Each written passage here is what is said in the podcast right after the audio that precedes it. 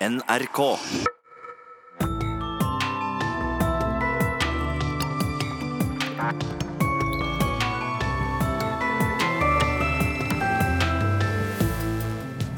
Добро пожаловать в Киркенес, где хорошо как норвежцам, так и русским. Russiske Luba Limstrand ønsker velkommen til Hva skjer?, som vi i dag sender fra biblioteket i Kirkenes, som ligger ved torget midt i hjertet av byen. Kirkenes og Sør-Varanger var et lokalsamfunn ved frontlinja under den kalde krigen. Og ved frontlinja er tapsprosenten alltid høy.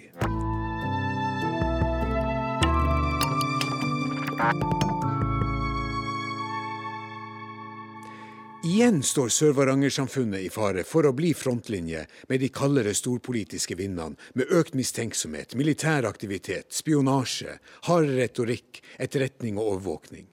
Men klok av skade etter den kalde krigen ønsker lokalbefolkninga heller forbrødring, for russerne er kirkenesværingene sine naboer og venner, og svigerfamilier. Luba, som vi hørte innledningsvis, er gift med en nordmann. Sist uke hadde Kirkenesdagene dialoger om naboskap som tema, med arrangementer under motto 'Et folkelig mottrekk til storpolitikken'. Hilde Korseth, du er en av de som sto bak eh, disse arrangementene. Dere kaller et folkelig mottrekk til storpolitikken. Men burde dere heller ikke overlate til utenriksminister, forsvarsminister og vår militærallianse Nato, som har greie på de storpolitiske forhold, og bestemme hvordan vi skal forholde oss til Russland? Nei, det syns jeg da absolutt ikke.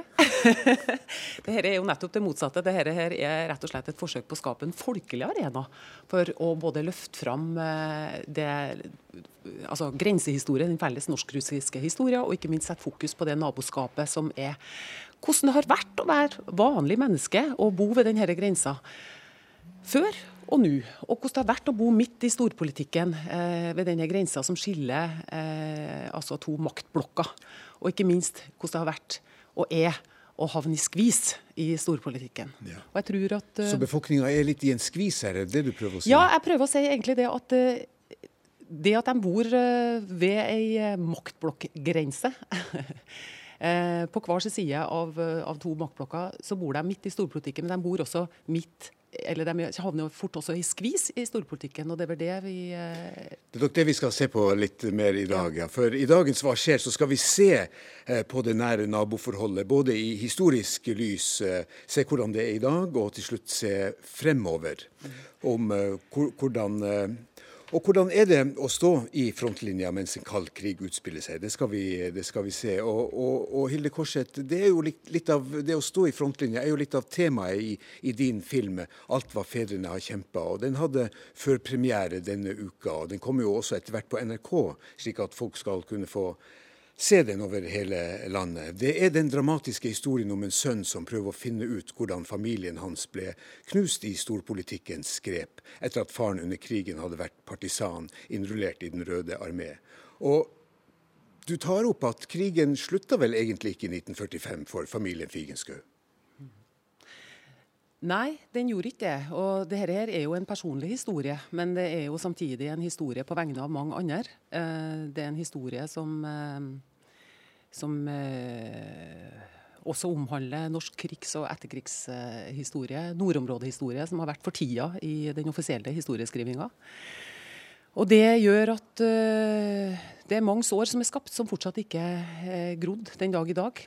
Faren til uh, hovedpersonen i filmen din var partisan under krigen, og veldig mange av uh, partisanene opplevde å bli uh, politisk overvåka.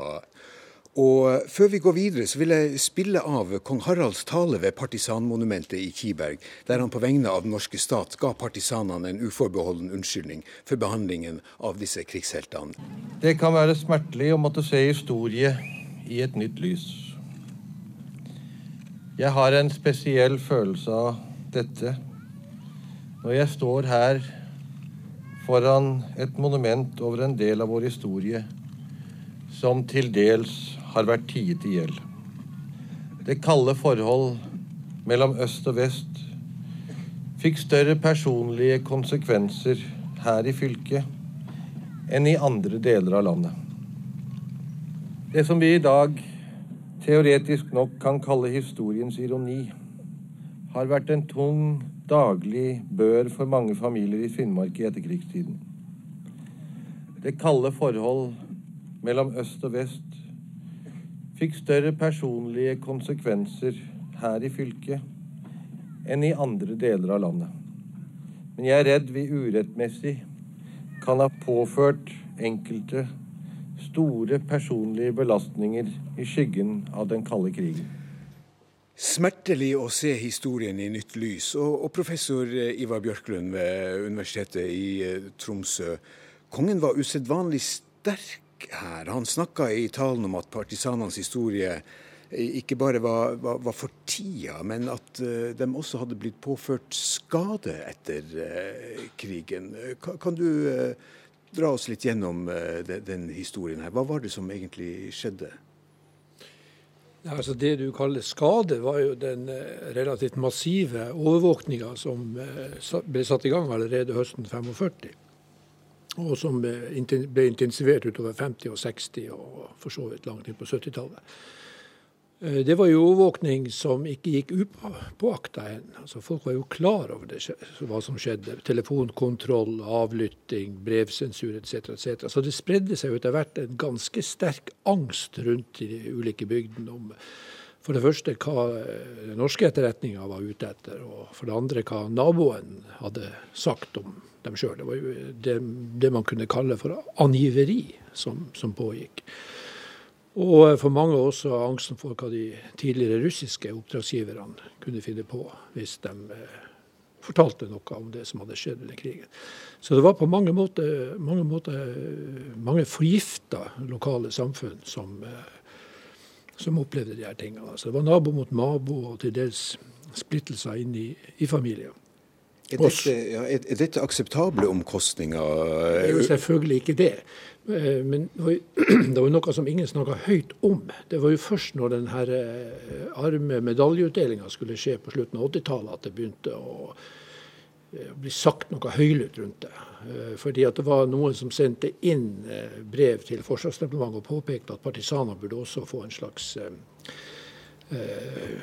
tilkjenning av, av, hva de hadde gjort. En, en medalje i en eller annen form.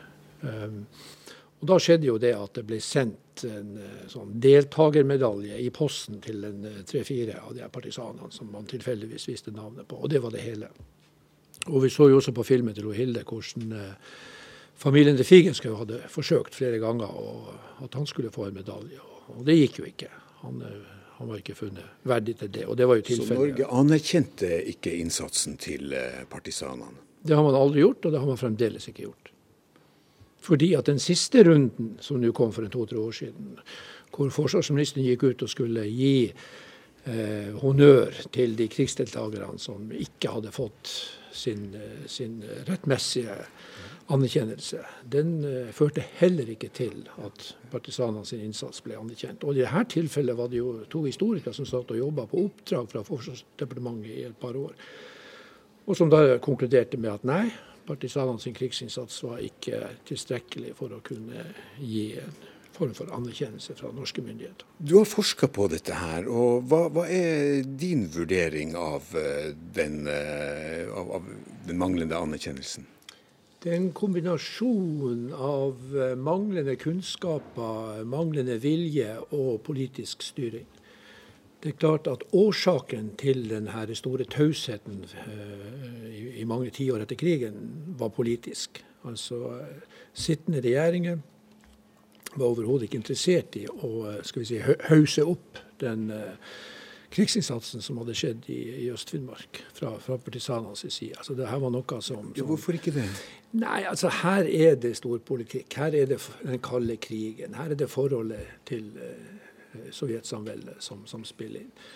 Og eh, det, det, er så helt tydelig når du ser på hva slags monumenter som ble reist, og hvilke monumenter som ikke ble reist. Altså, det var jo ingen monumenter rundt partisanene sin virksomhet som kom opp før på slutten av 80-tallet. og Da var det jo lokale initiativer som kom med det her. Og når det gjaldt eh, medaljer og eh, ordener og den type ting, så var det jo helt konsekvent kun de som hadde deltatt fra engelsk og amerikansk side, som ble honorert. Eh, de to eneste partisanene i Finnmark som fikk medalje, St. Olavsmedaljen.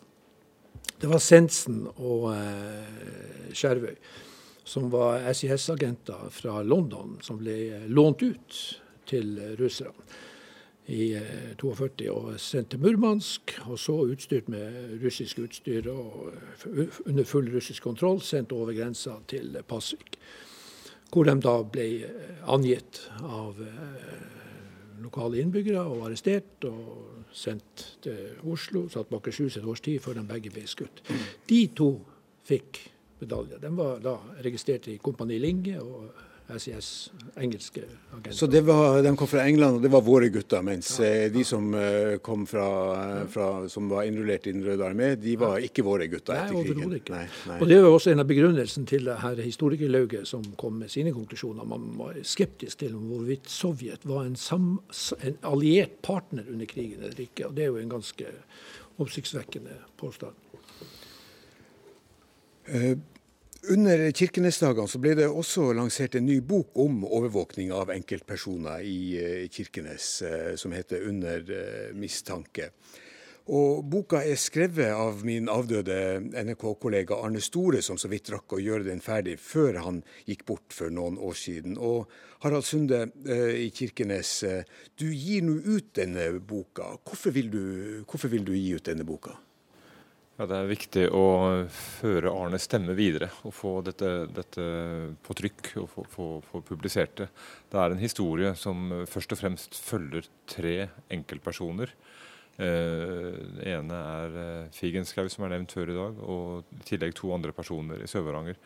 Og, og sier noe om hvordan den kalde krigen og overvåkninga og et angivernett i Sør-Varanger var med på å prege deres liv.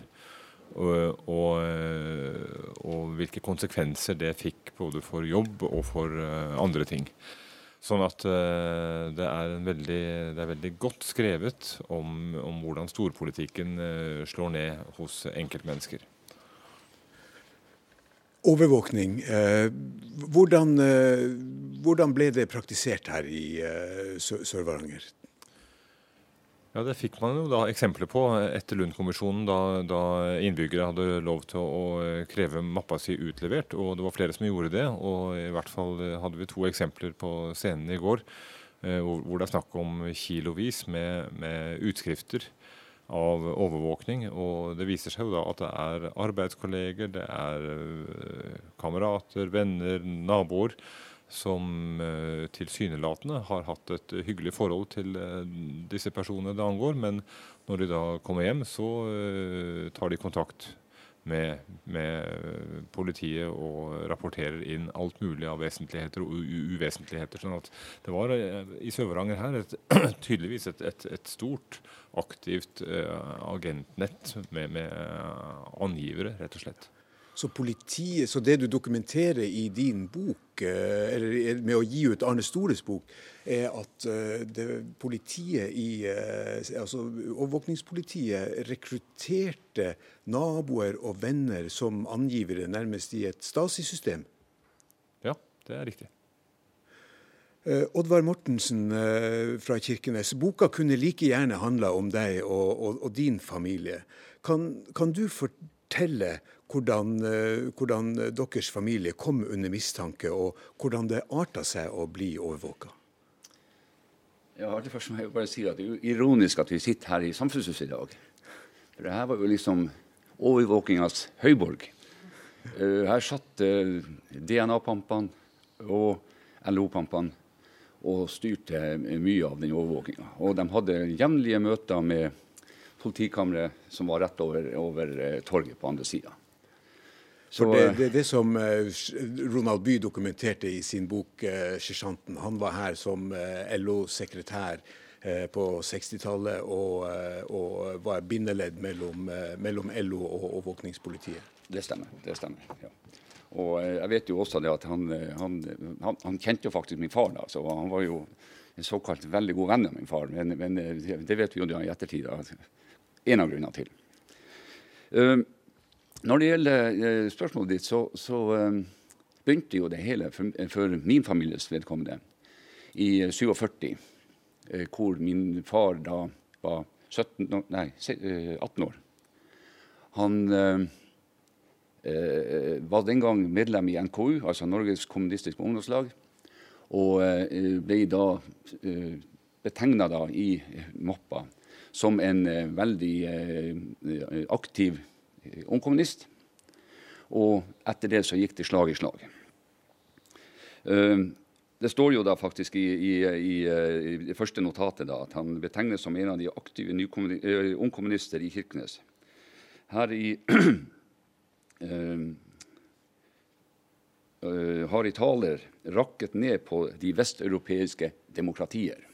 Det var liksom det som var det starta med. Og denne overvåkinga den fortsatte da i 50-, 60- og 70-tallet. av han, vår familie, og, og, faktisk også da uh, bror til, til, min far, og uh, veldig mye i omgangskretsen eh, vår.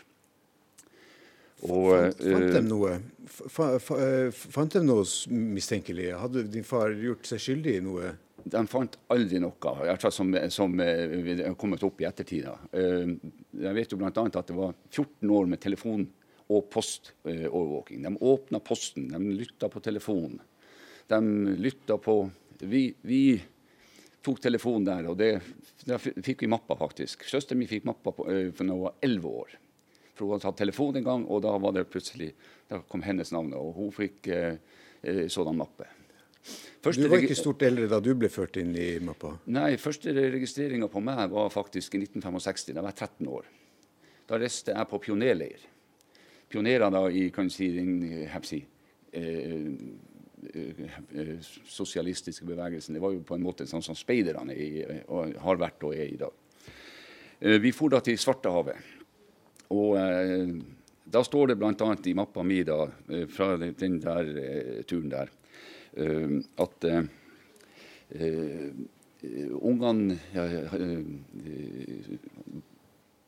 Eh, ja, vantrivdes eh, til dels. Noen av dem eh, likte ikke maten, noen fikk ma magevonder osv. Mens foreldrene de forherliga det her og syntes at det har vært en fullkommen tur. Altså, det, det, er sånne ting som står i mappa. Ja, bl.a. også det at, at vi fikk servert mye kjøttkaker, men ikke melk. Det, men, men, dette går, altså registreringen går fra trivialiteter eh, til, til altså dag, dagligdagse ting. Men det, det, jeg har forstått at det gjorde noe med, med, med din mor og din far? Det gjorde det. Eh, det, var jo, det, var jo faktisk sånn også at det var eh, De ble jo provosert til, til, til, tider. Eh, det var jo, som det ble nevnt her, så var det jo agenter da, som i anførselstegn, sivile eh, som, som, som eh, overvåka oss. ja, I tillegg så var det jo faktisk også innad i kommunistpartiet så hadde de jo sine, sine eh, rapportører.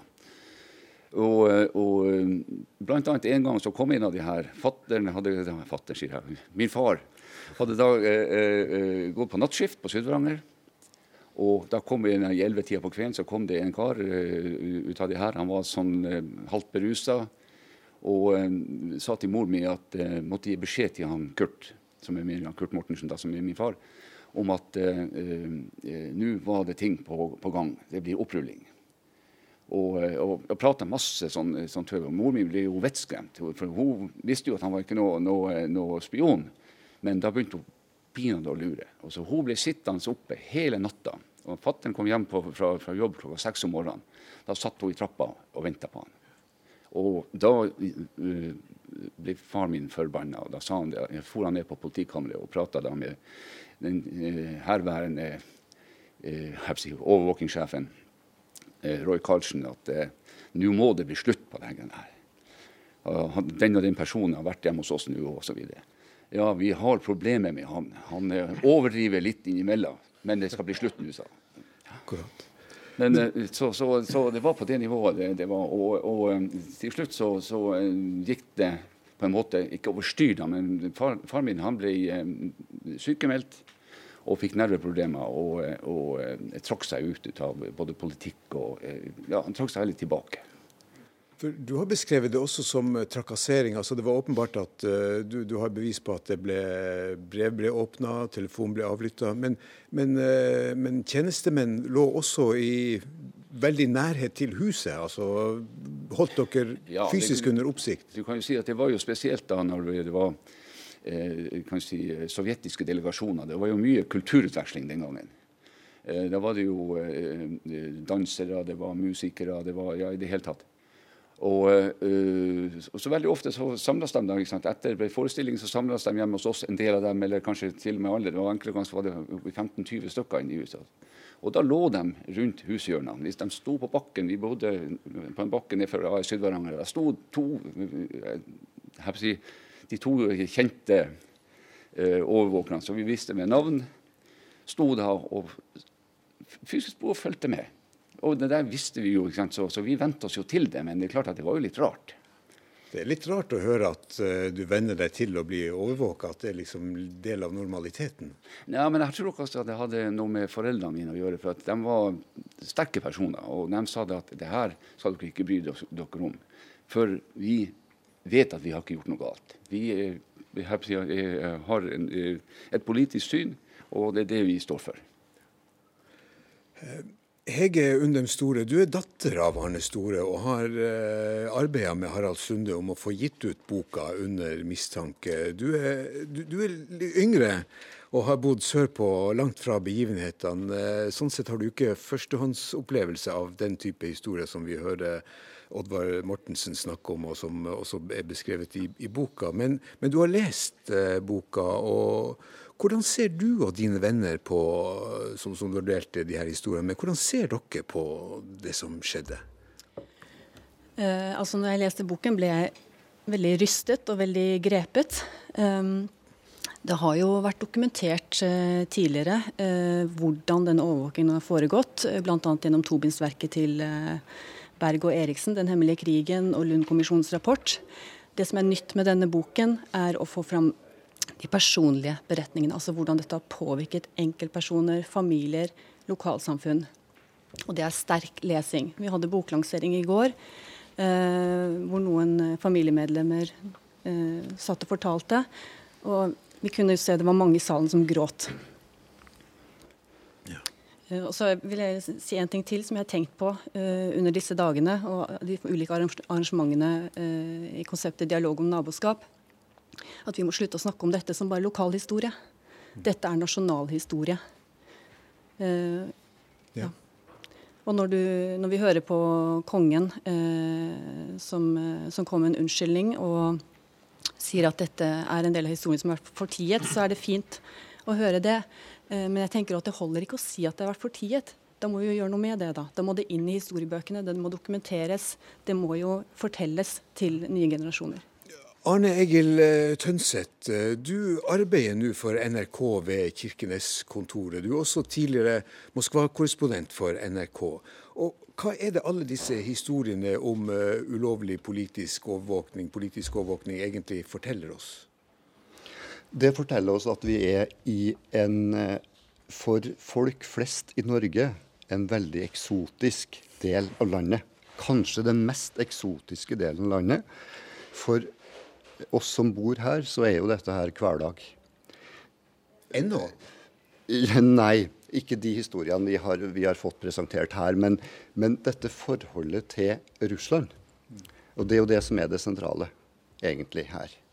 Og det multikulturelle. Altså dette er et eldgammelt multikulturelt samfunn. Eh, hvor det har handla om å være eh, norsk nok. Eller ikke norsk, norsk eller nesten norsk. Og, og dette bare nesten Norge-preget, det har plaga norske myndigheter så til de grader at, eh, at sånne tiltak i gåsøgne, som vi har hørt om her, måtte til.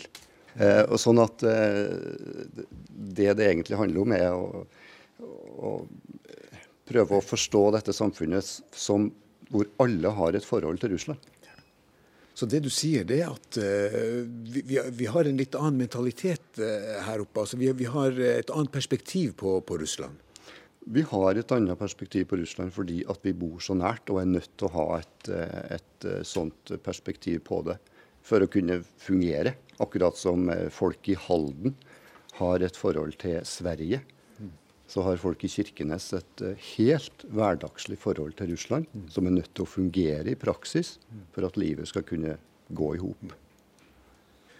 Eh, Jon Fitje Hoffmann, du er analysesjef i eh, PST, Politiets sikkerhetstjeneste. Og nå som du har hørt eh, historiene og ikke minst omkostningene for enkeltmennesker med å ha blitt underlagt det som i ettertid er fastslått var ulovlig politisk overvåkning, så vil det være interessant å vite om er PST i dag på linje med kong Harald?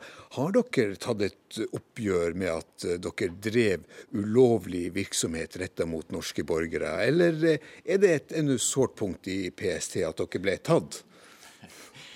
Nei, det er ikke noe sårt uh, punkt. Vi har jo, eller PST, eller gamle POT, da, ja. uh, Politiets overvåkingstjeneste, tok jo, eller kan du si, ble jo nødt til å ta et oppgjør etter Lund-kommisjonen.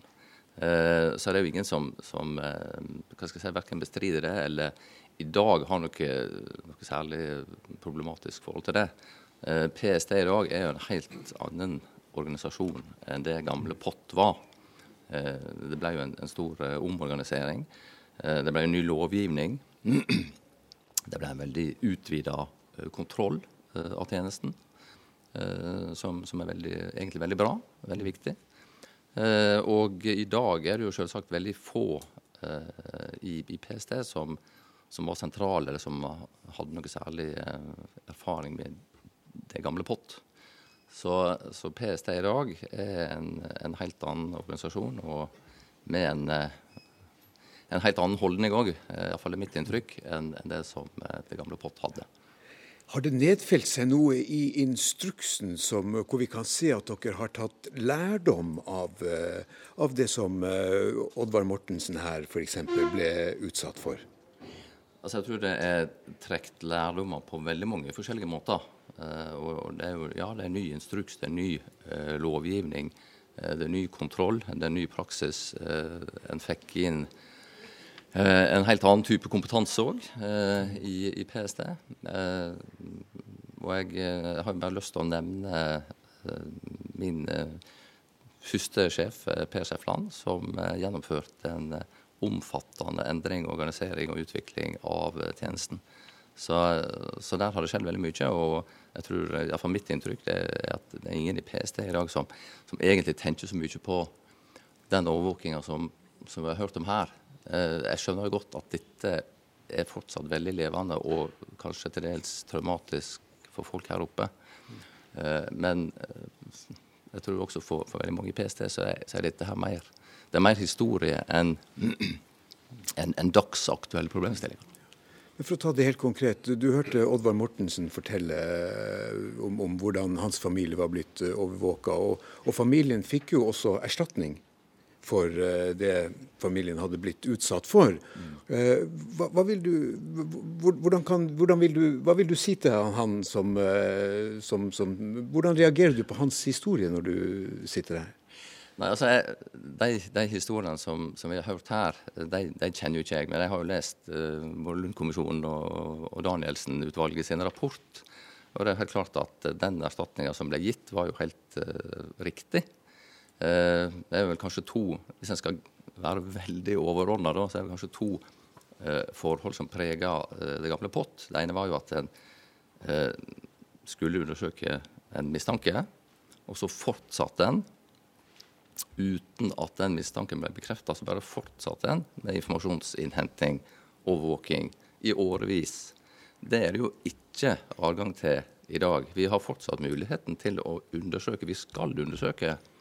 Hvis det er en, en, mistanke, eller hvis det er grunn til å undersøke.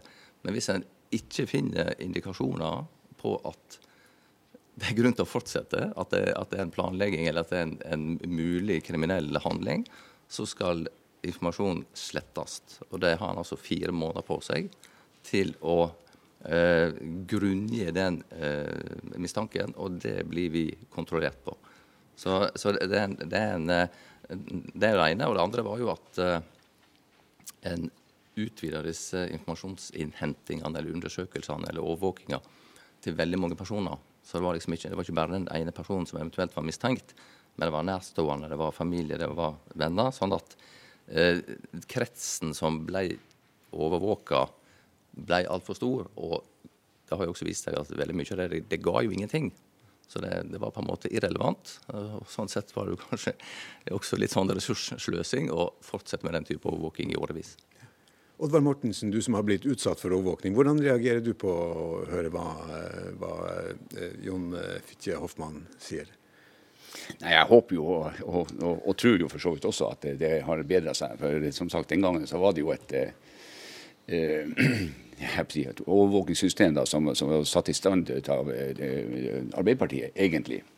Mm. Og eh, Det var jo Håkon Lie sine tanker som, som, som, ble brukt her helt og holdent. Og det var jo den eh, sovjetfrykten han eh, hadde som, som, gjorde det. her. Og Jeg er nesten sikker på det at eh, grunnen til at de hadde de møtene som jeg nevnte innledningsvis, her på Samfunnshuset, det var jo det at det var jo de som var overvåkere, som på andre sida av, av, torget eh, i politiet, det var jo DNA-folk, det også.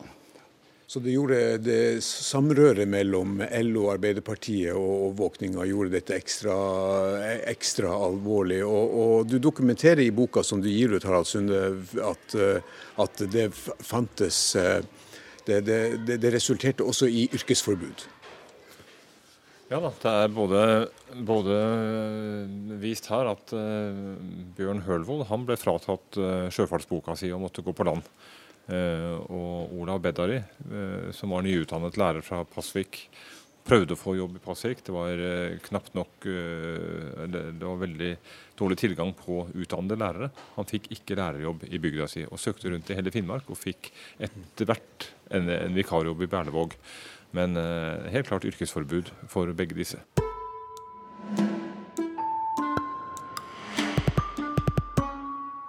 Under lanseringa av boka 'Under eh, mistanke' så opptrådde Trygve Bedari, Per Anders Store, Anne Margaret Nilsen med polsk partisansang som er oversatt av Aslak Syse og komponert av eh, Ivar Thommessen. Den var opprinnelig et nummer i en oppsetning av Samovarteatret. Og vi har invitert dem hit. Vær så god.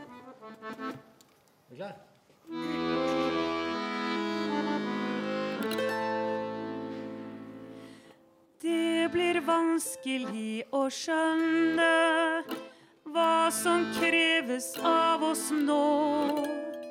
Mine venner venter på meg. Kjære, jeg er nødt til å gå. Jeg drar inn i skogens mørke, langt av sted og bort fra deg.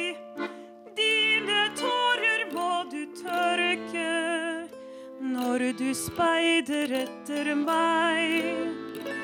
Dine tårer må du tørke når du speider etter meg.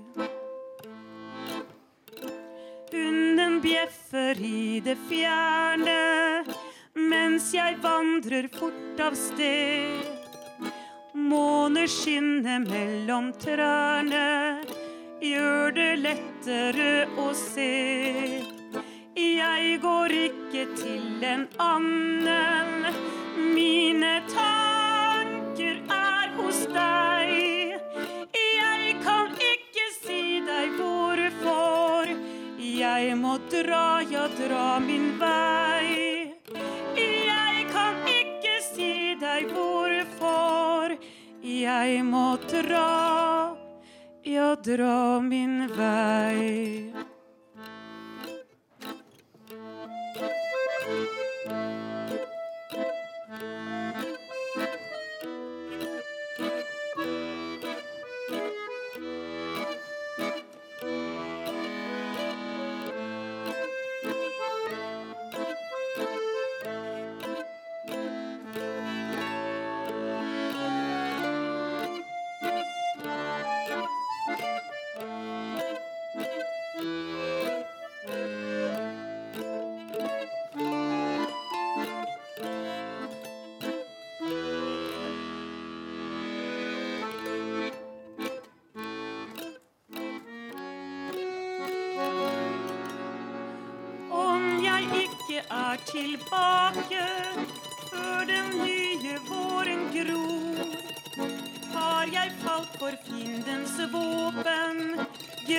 Gravlagt i en ukjent jord. Kjære, gå da fjellet, klapp din reim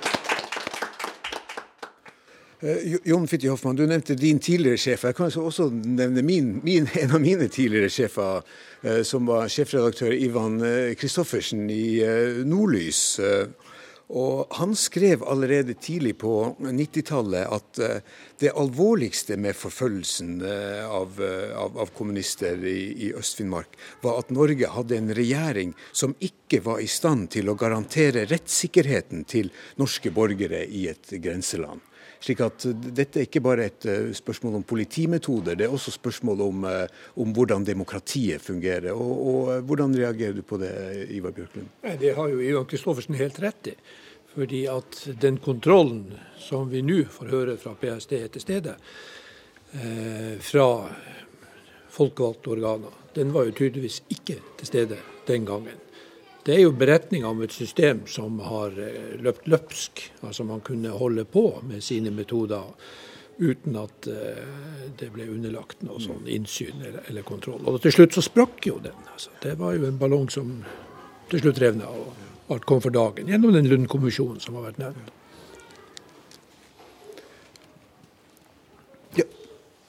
Hoffmann? Ja, nei, det er en liten sånn eh, refleksjon fra min side på, på akkurat det.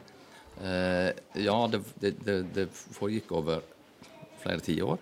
Eh, det var mye debatt og, og eh, hva skal jeg si, oppmerksomhet om at her foregikk det eh, overvåking i, i, i stor skala som, som sannsynligvis ikke var hva skal jeg si, lovlig og, og, og som var veldig skadelig. Men så tok en faktisk et ganske formidabelt oppgjør. Jeg syns vi kan, som samfunn og demokrati, så kan vi jo kanskje også være litt glad for det, da. Om kanskje ikke akkurat stolte, men iallfall så gjorde en, tok en det oppgjøret. Alle hadde mulighet til å søke innsyn. Folk fikk erstatning.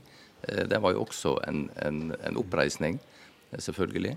Eh, Og det er jo mange andre samfunn som også har drevet med masse massiv overvåking, som slettes ikke er i stand til, eller beredt til, å gi sine borgere eh, innsyn og eh, erstatning og oppreising.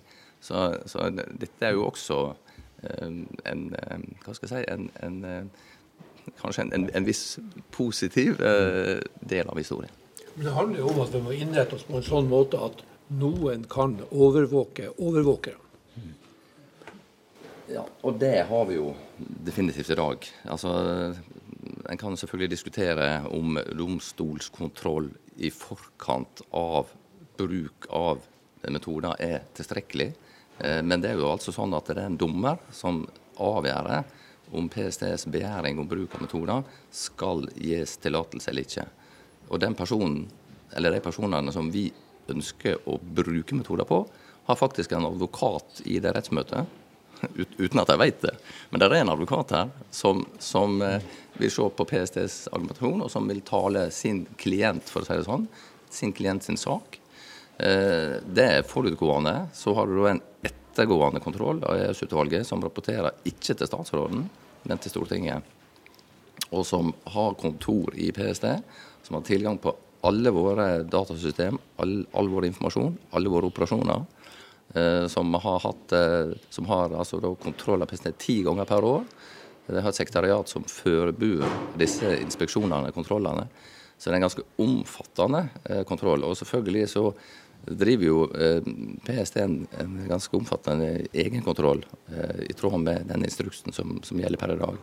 Det betyr jo ikke at, at det aldri vil skje feil, men det skulle iallfall være en ganske god garanti til mitt syn for at det vil aldri bli en systematisk måte å drive jeg si, feil eller uberettiget overvåking på.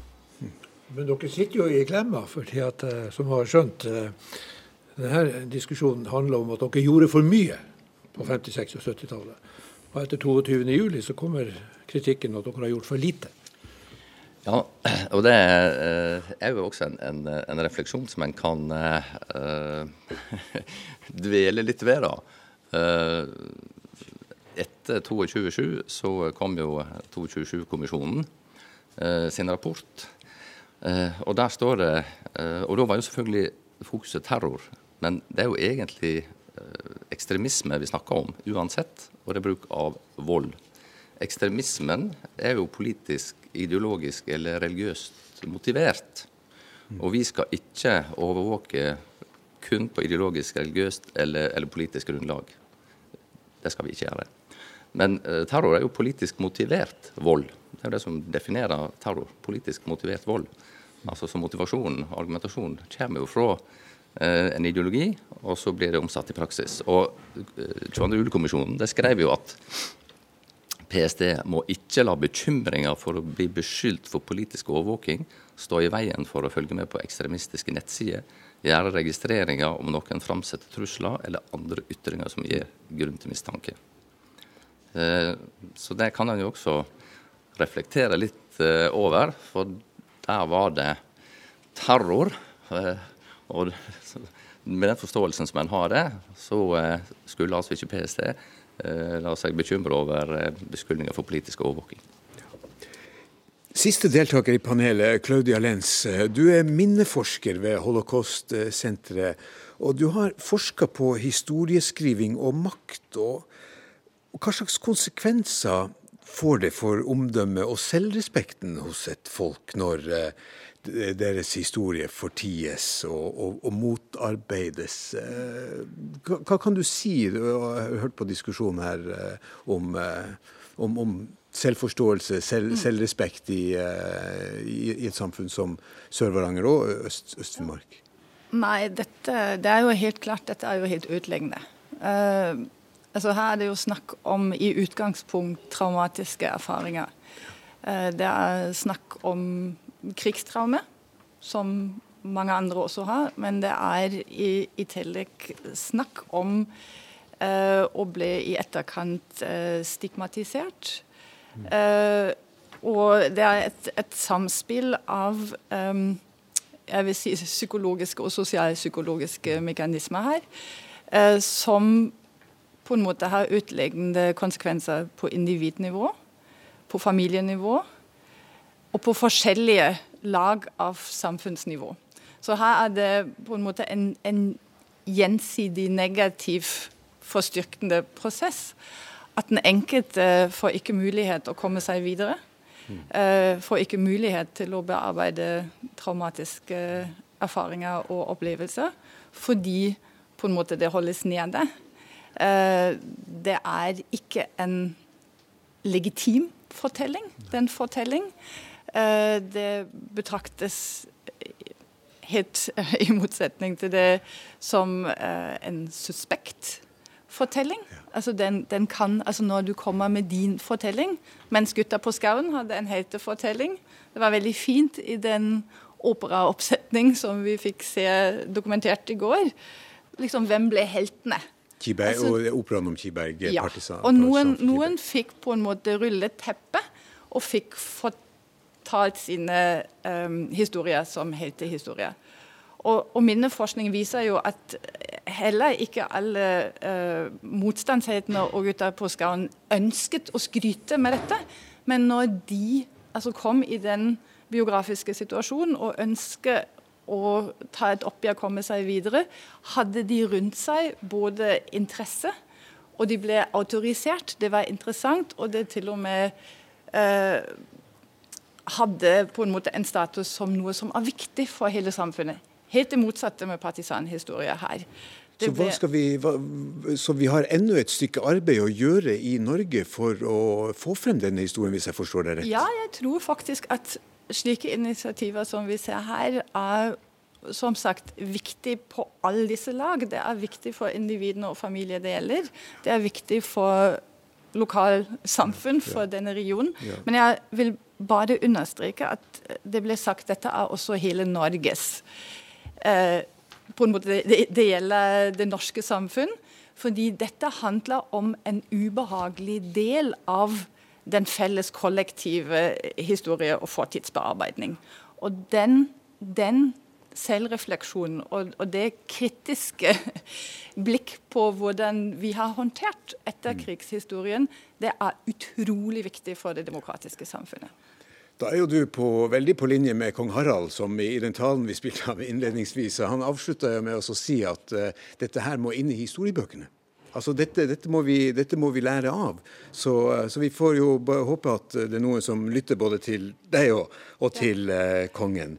Men hvis, hvis, vi nå skal se på, på nå, nåtidssituasjonen Jon Fitje Hoffmann, du, du, nevnte at dere er underlagt sterk kontroll. Men det, det, var jo Lundkommisjonen som konkluderte med at Sør-Varanger var et lokal, det var deres ord, Sør-Varanger var et lokalsamfunn ved en frontlinje i den, uh, i, i den kalde krigen. Og Når vi nå beveger oss inn på nåtida, så slår jo Frode Berg-saken oss i, i øynene. Nå er jo saken under etterforskning, ingen dom foreligger. Men Berg har selv sagt at han handla på oppfordring fra norsk etterretning. Og jeg registrerer her i Kirkenes et stort sinne Eh, over at overvåkninga rekrutterer folk i Sør-Varanger til slike eh, oppdrag. Og, og, hvorfor gjør dere det?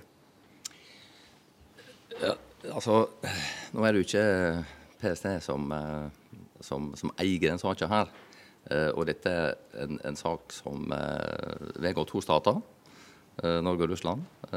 Og det er jo da tatt en uh, beslutning om at uh, iallfall inntil videre så er det Utenriksdepartementet som, som uttaler seg om den saka.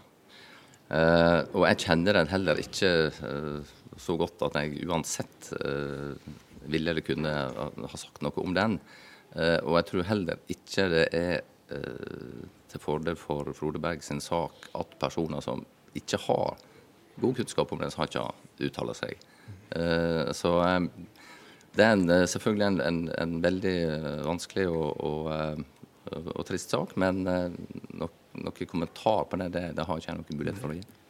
Men eh, hvis, vi skal, hvis, vi på et generelt nivå skal kommentere dette, her, hva vil du si til folk i Sør-Varanger som er sint fordi at eh, dere, altså hele Etterretningstjenesten som sådan, eh, rekrutterer folk som Frode Berg til etterretningsoppdrag? Nå tror jeg det er viktig å skille mellom Etterretningstjenesten og Politiets sikkerhetstjeneste. Okay, ja, det, det skylder vi vel å gjøre, ja. ja. altså Etterretningstjenesten de jobber mot utlandet. PST vi er en innenlands sikkerhets- og etterretningstjeneste, men det er altså innenlands. Så vi driver med kontraetterretning. Alle land, så vidt jeg vet, har etterretning og etterretningstjeneste, og bruker det som et verktøy for å gi råd og, og, og, innspill eh, til sine politiske styresmakter. Det er jo fortsatt sånn at eh, vi lever i en verden eh, av statlig anarki. Ja, du har masse samarbeid, og du har FN og du har ulike organisasjoner. Men det er staten som ene er ansvarlig både for seg sjøl, sin, sin, suverenitet og sine borgere. Og det å innhente informasjon, det å innhente etterretning, Eh, er fortsatt eh, en jeg kan godt si det er en helt naturlig og for så vidt legitim eh, del av måten som staten beskytter seg selv på. Og det gjør Norge, det gjør definitivt Russland, med helt andre kapasiteter, helt andre metoder. Og det gjør for så vidt alle land. Oddvar Mortensen, du bor i Kirkenes, og jeg, går, jeg, jeg, har ikke spurt deg, men jeg går ut fra at du kjenner Frode Berg. Du vet i hvert fall ja, ja, kjenner han godt. Og, ja. og hva, hva, er din reaksjon på at, eh, på at eh, folk eh, her lokalt re, blir forsøkt rekruttert til, til tjeneste, enten det er til, til, til etterretninga eller til politiets overvåkningstjeneste? Nei, jeg syns jo egentlig at det er et, på en måte et overtramp. Nå var jo også Frode Berg veldig sentral i flere organisasjoner her. Både folk-til-folk-samarbeid og, og, og, og, bruke han da som en eh, agent, eller hva han var, det vet jeg ikke. Men, men, men eh, det syns jeg er, er, er, langt over grensen av, det man kan eh, tillate seg. Og eh, Det er nesten som man begynner å spekulere på er det bevisst, rett og slett for å få eh, for å få lage en slags miskreditt til det folk-til-folk-samarbeidet som man prøver å få til her oppe i, i, i Sør-Varanger og i Øst-Finnmark. NRK-kollega Arne Egil Tønseth. Er Frode Berg-saken et, et, eksempel på at folk lokalt her ennå står i en skvis mellom to maktblokker? Ja, det er det helt klart. Og hvis det Frode Berg forteller er riktig, at han har opptrådt på oppdrag fra norsk etterretningstjeneste, så, så er det klart at uh, et, uh, et veldig klart eksempel på det. Samtidig som han da har jobba uh, med de folkelige tiltakene her som gjør livet levelig, sjøl på grense med visum og Schengens yttergrense osv. Så, videre. så det er, noe, det er vanvittig store paradokser her i den, og i den Frode Berg-saken særlig. Eh, vi begynner å nærme oss uh, slutten her, men uh, Jon Fitje i, PST, det, det, er jo det er ikke mange år siden det kom en sånn nyhetssak eh, om, så, som bygde på anonyme kilder, der faktisk journalist Kjetil Stormark i dette er aldri mer ennå hevder at norske myndigheter er bekymra for at en del finnmarkinger har en har en lojalitet til uh, Russland. Uh, og, og, det ble stilt sterke uh, Stor tvil om lojaliteten til folket her oppe. det kan, du bekrefte at det er slik at dere, dere er i tvil om lojaliteten til folk her? Ja, det kan jeg avkrefte. Det syns jeg, det syns jeg ikke er Altså, det hører ingen sted hjemme, egentlig. Eh, vi ville aldri ha, ha, gitt den type vurdering generelt om, om, om, folk i Finnmark. Det er det selvfølgelig ikke grunnlag for.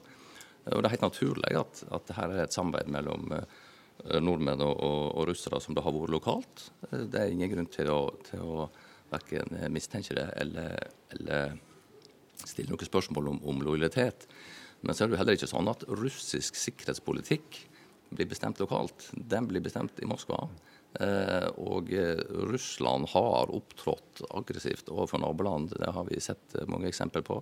Eh, okkupert deler av Ukraina og destabiliserer Øst-Ukraina. Så Russland gjør det de mener er riktig for å ivareta sin sikkerhet. Det betyr selvfølgelig ikke at, at et, et lokalt samarbeid og kontakt eh, er problematisk i seg sjøl. Og det er heller ikke sånn at, eh, at, PST skulle mene at folk i Finnmark generelt sett er mindre lojale enn andre nordmenn. Helt til slutt, professor Ivar Bjørklund. I Sør-Varanger så, så, ønsker man et nærmere forhold. Man praktiserer folk-til-folk-samarbeid. Det bygges ut forbindelser på, på, veldig mange områder. Har norske myndigheter, ikke nødvendigvis bare Hoffmann i PST, men, men, men på, på, regjeringskretser og i Stortinget, har man noe å, å lære av uh, det som praktiseres i, i Sør-Varanger i forhold til russerne, og, og nedfelle det som del av norsk politikk? Ja, man bør jo rett og slett støtte enda mer opp under det arbeidet som kanaliseres først og fremst gjennom Barentssekretariatet. Altså det her eh, mellomfolkelige arbeidet er jo uhyre sentralt. Og eh, Russland er jo veldig på vakt eh, når det gjelder norske myndigheters holdning til det samarbeidet. Eh, det ble jo starta av Stoltenberg i sin tid, og eh, har jo nå eksistert i ganske mange år. Og har jo hatt en virkelig imponerende vekst. Og eh, ting kan jo tyde på at eh, det er lagt litt i bero fra regjeringas side. Og det er jo i så fall veldig beklagelig. Fordi at eh, det er jo gjennom Barentssamarbeidet at skal vi si, norsk-russisk samværet får sitt mest positive og eksplisitte uttrykk. Og det er tiltak som i seg sjøl er absolutt gull verdt å, å støtte. Og med det er Hva skjer eh, over eh, for i dag. Vi takker Hilde Korseth, Harald Sunde, Hege Undem Store, Oddvar Mortensen, Jon Fitje Hoffmann, Arne Egil Tønseth, Claudia Lenz og Ivar Bjørklund.